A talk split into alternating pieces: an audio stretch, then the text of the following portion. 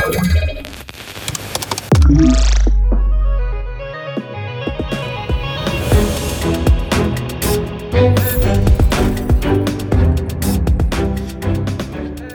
Witamy w 151 odcinku e, Cyber. E, rozpoczynamy z wiadomych względów e, specjalną edycję podcastów, które będziemy chcieli przekazywać do wysłuchania codziennie o godzinie 11.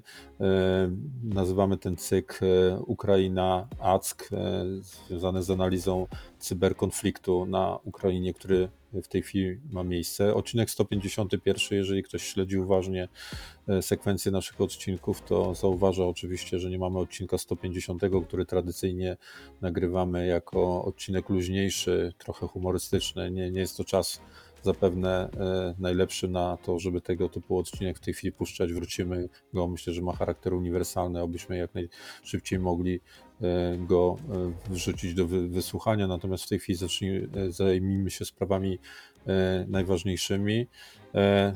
Jesteśmy we dwóch. Kamil Gapiński. Cześć Kamil.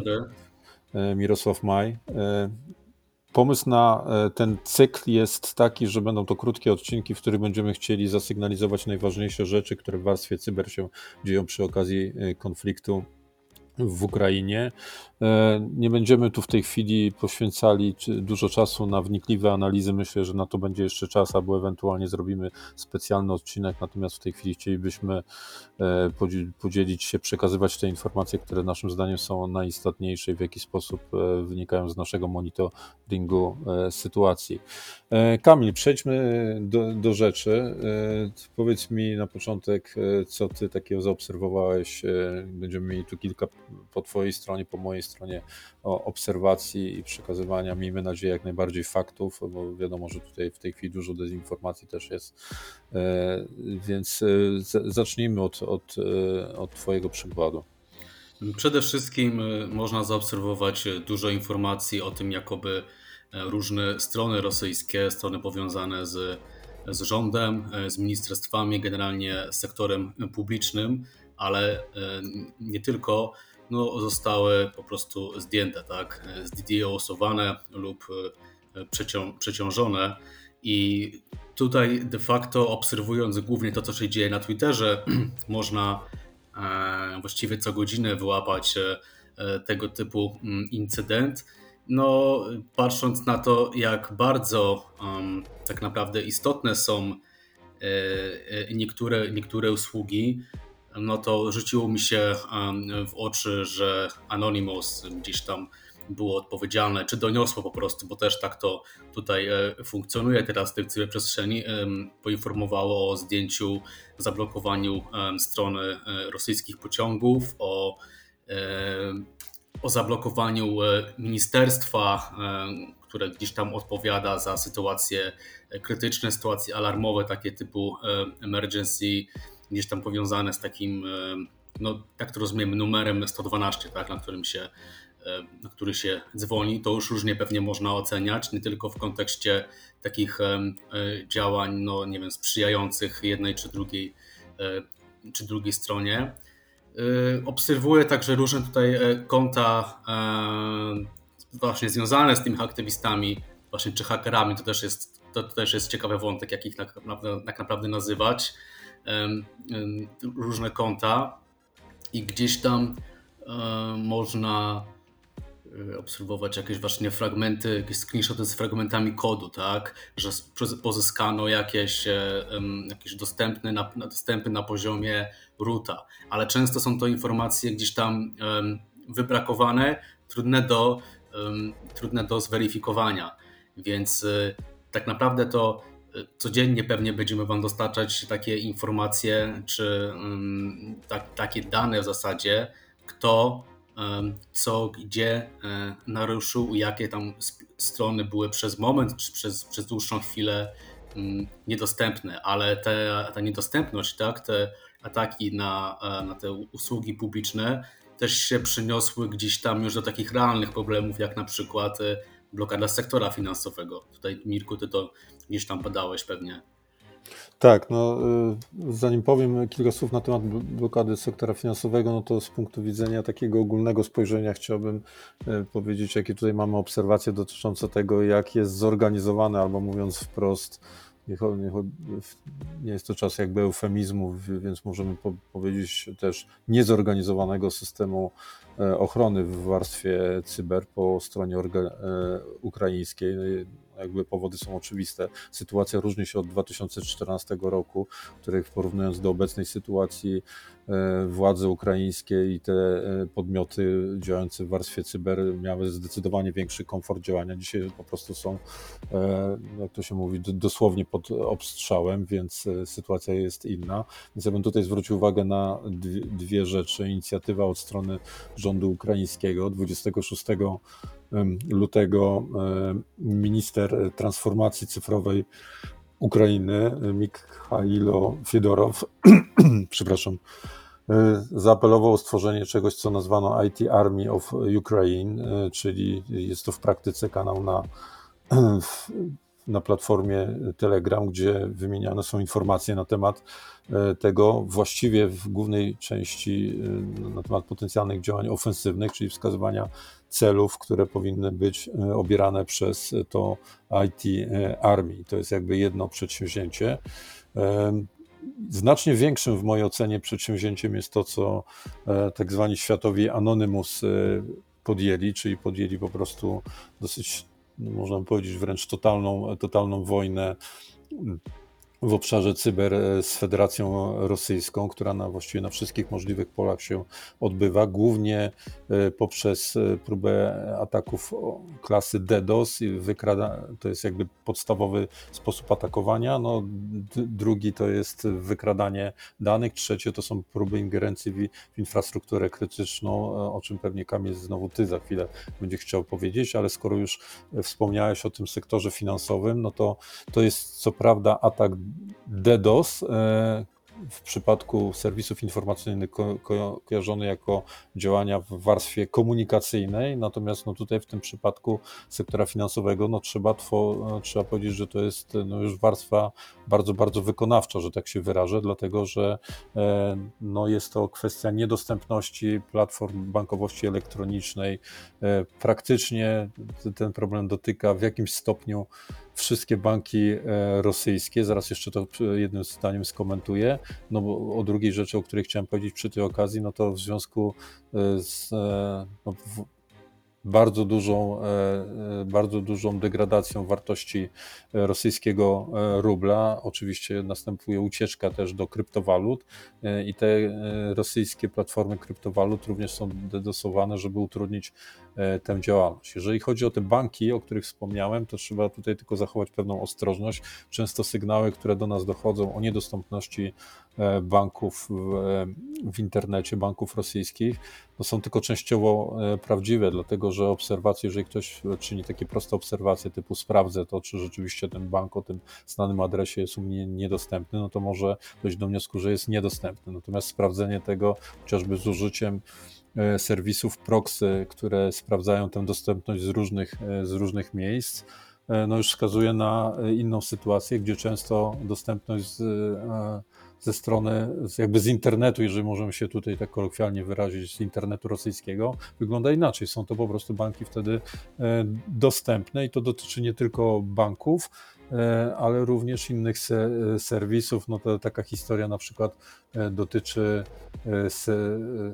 serwisu rządowego E, Government RU, który, e, jak przed chwilą dzisiaj sprawdziłem, tak naprawdę prawie zewsząd jest niedostępny. Jedyne wyjątki to jest e, Rosja, Ukraina, Kazachstan i te pozycje jakby mocno nie dziwią, chociaż no Ukraina to trudno w ogóle tutaj do końca skomentować, natomiast no dziwi trochę dostępność na przykład z Kanady. No tak to w tej chwili wygląda, więc to też mówimy o tym, dlatego żeby zwrócić uwagę na to, że tutaj łatwych interpretacji i sytuacji takich zero-jedynkowych do końca nie ma. Tak, odnośnie jeszcze ataków e, na niedostępność e, usług, na niedostępność stron, no to um, nie wspomniałem jeszcze o e, ataku, no już nie takim mm, klasycznym DDoSie, ale najbardziej wyrafinowanym ataku, jakimś wstrzyknięciu kodu do strony MOD, tak, e, rosyjskiego, tak, czyli Ministerstwa Obrony, gdzie pobrano jakąś bazę użytkowników przez jakiś dłuższy moment. Teraz też by było, można było ją pobrać. Bodajże to już od, od, trzy dni temu pojawiła się taka, taka informacja. Kilka screenów też oczywiście Anonymous udostępniło, więc oprócz jakby ataków na niedostępność, także pojawiają się wycieki. Wspominałeś o infrastrukturze krytycznej. No i tutaj jeden z takich głośniejszych incydentów e, to e, informacja, że mm, Anonymous doprowadziło do, e, do manipulacji, do, do wtargnięcia w, w, system, w system zarządzania procesem dostawy gazu, tak? czyli to, co dla Federacji Rosyjskiej jest już bardzo istotne i na pewno, na pewno krytyczne. Mm, o tym możemy się dowiedzieć z Twittera. Udostępniono także filmik pokazujący, jak e, ten, ten, ten dostęp, tak, jak, jak, ten proces, jak ten proces wyglądał, proces włamania do systemu sterowania e, tym, tym procesem przemysłowym, tak? E, czyli mamy tutaj zrzut z, z konsoli typu, typu SCADA. Podobno tutaj na na wieść o tym konkretnym ataku. Inna grupa, z kolei grupa z Rosji, e, o której, która ma się nazywać mm, ma się nazywać Red, Red Bandits RU, e, miała także namierzyć czy wycelować cyberatak w kilka, e, w kilka zasobów po stronie Ukrainy, jeżeli chodzi o właśnie komponenty przemysłowe czy komponenty infrastruktury krytycznej odpowiedzialnej za takie właśnie, e, za tego typu e, procesy dostaw energii, e, gazu czy inne ważne dla, dla państwa. Oczywiście sama firma, on się nazywa Forno, Fornowo Gaz, nie odniosła się do tego incydentu, no natomiast mm, sam zrzut ekranu i sam, sam, sam film, tak, który pokazuje tę, tę operację, no daj, może dać coś do myślenia, na pewno może dać coś do, coś, do, coś do wyobraźni. Z drugiej strony, oprócz takich twardych incydentów, o których teraz mówimy, e, mamy do czynienia też z takimi bardziej mm, akcjami e, typu e, aktywizm, tak? I przykładowo Anonymous zachęca, i to jest, e, to jest ciekawe do obserwacji, zachęca, aby um, używając Google'a e, i tego mechanizmu oceniania restauracji, hotel, hoteli, różnych obiektów turystycznych, wystawiać oceny e, takim obiektom, a w komentarzu pisać o tym, co tak naprawdę E, dzieje się e, na, e, na Ukrainie, tak? Jak wygląda inwazja, że umierają cywile i właściwie to jest taka próba przybicia się przez tę propagandę uprawianą przez, przez, przez Kreml i przez Putina. Ta akcja chyba rozpoczęła się wczoraj, wczoraj wieczorem, a no już tutaj media społecznościowe dosłownie puchną od tego typu tego typu informacji i ludzie się w to zaangażowali. Jest e, kilkaset, nawet pewnie kilka już tysięcy e, tego typu, tego typu komentarzy. Można zauważyć, że e, niektórzy wręcz zrobili sobie z tego tak naprawdę trochę taki um, challenge, tak? Jedni blokują rosyjskich troli, a drudzy komentują e, i oceniają e, obiekty turystyczne, restauracje, pisząc właśnie w komentarzach to, co się dzieje, tak? Więc mamy tu zarówno do czynienia zarówno z um, taką częścią e, hakowania, jak i też aktywizmu. Ja na, ja na koniec może jeszcze tylko krótko bym chciał powiedzieć. Oczywiście tych zdarzeń, o, których, o tym charakterze, o którym tutaj z Kamilem wspominamy, jest e, znacznie, znacznie więcej. Chcieliśmy, tu, mieliśmy tylko kilka, które w naszej ocenie w jakiś sposób niezły ilustrują klasy przedsięwzięć, które w tej chwili mają miejsce. Na, na koniec może chciałem tylko jeszcze wspomnieć trochę o, o działaniach, bo tutaj, tak jak wspomnieliśmy, to, to są wszystko działania troszeczkę nie do końca zorganizowane i nie za bardzo oficjalna flaga za nimi e, stoi. E, chcieliśmy też powiedzieć dwa słowa na temat tego, co w, w obszarze tych, tych formalnych działań e, się dzieje. Ja bym powiedział, że one na tę chwilę bardziej dotyczą może nie tyle czysto warstwy cyber, ale gdzieś e, no, szeroko rozumianej cyfrowej, bo, bo na przykład następuje masowe usuwanie z platform przykład satelitarnych, czy dostępności w ogóle telewizji, e, no, tych ośrodków telewizji, no, takich jak Russia Today czy Sputnik, które są postrzegane jako e, no, główne ośrodki propagandy i dezinf dezinformacji Federacji e, Rosyjskiej, także to następuje właściwie na całym, na całym świecie. Oczywiście te, te, te media i różne propagandowe, propagandowe portale, serwisy również są atakowane i one też na przykład są atakowane atakami, atakami e, DDoS, także to wszystko się e, odbywa. My też monitorujemy to, co po stronie polskiej się dzieje. Na szczęście oczywiście jest e, masa już przykładów w tej chwili mniejszego lub większego próby ingerencji bezpieczeństwo polskiej części cyberprzestrzeni i na przykład tutaj odnotowane są ataki DDoS, ale, ale nie, nie tylko. My też staramy się monitorować w tej chwili to, co w formalny sposób się dzieje. Nie, nie, nie podejmujemy się w tej chwili żadnej oceny, bo nie mamy szczegółowej informacji. Robimy to poprzez dostępne informacje z zewnątrz. Pokazało się kilka e, porad od strony na przykład certów krajowych, czy E, czy na przykład porady dotyczące jak się chronić przed atakami DDoS, e, które zostały wydane przez jedyny polski CERT sektorowy, CERT KNF. E, swoją drogą może warto przemyśleć, czy CERT sektorowe, czy CERTy sektorowe w tej szczególnej sytuacji nie powinny być w trybie natychmiastowym powołane. Mamy już jakby narzędzia prawne do tego, żeby to się działo. Myślę, że chodzi tutaj o decyzje operacyjne. Jest czas wyjątkowy, więc wyjątkowo można by było to szybko zrobić, do czego ja przynajmniej przynajmniej osobiście e, zachęcam odpowiedzialnych e, za to. Oprócz tego no, nie widzimy innych w tej chwili e, akcji, tak jak przynajmniej tutaj przez, przez kanały na przykład twitterowe ludzi, którzy reprezentują formalne struktury Krajowego Systemu Cyberbezpieczeństwa byłyby podejmowane. Nie twierdzimy, że ich nie ma, natomiast one są po prostu jakby w tej chwili nie, niewidoczne. Będziemy to obserwowali, gdy się pojawią, też będziemy w tych naszych briefach dotyczących analizy cyberkonfliktu na Ukrainie. E, o, o nich będziemy mówili. E, Kamil, czy jeszcze chcemy coś dodać? Ostatnie może słowo, bo Anonymous tak naprawdę od, od kilku dni zapowiada. Nie wiem właściwie, czy to już się zadziało, czy to jest jeszcze zapowiedź.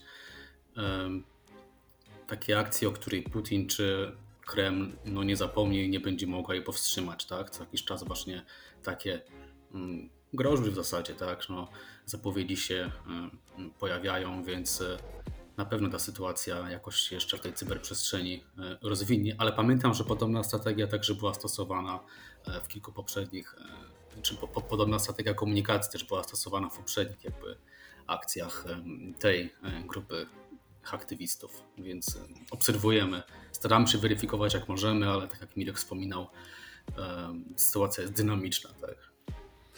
E, no nie ma, nie ma wątpliwości, że, że na tę chwilę nic nie zapowiada tego, że, że tutaj dalsza eskalacja nie, nie nastąpi. Będziemy monitorowali w takim razie. Dziękujemy za wysłuchanie tego odcinka i do usłyszenia w jutrzejszym. Pozdrawiam. Dziękuję. Cześć.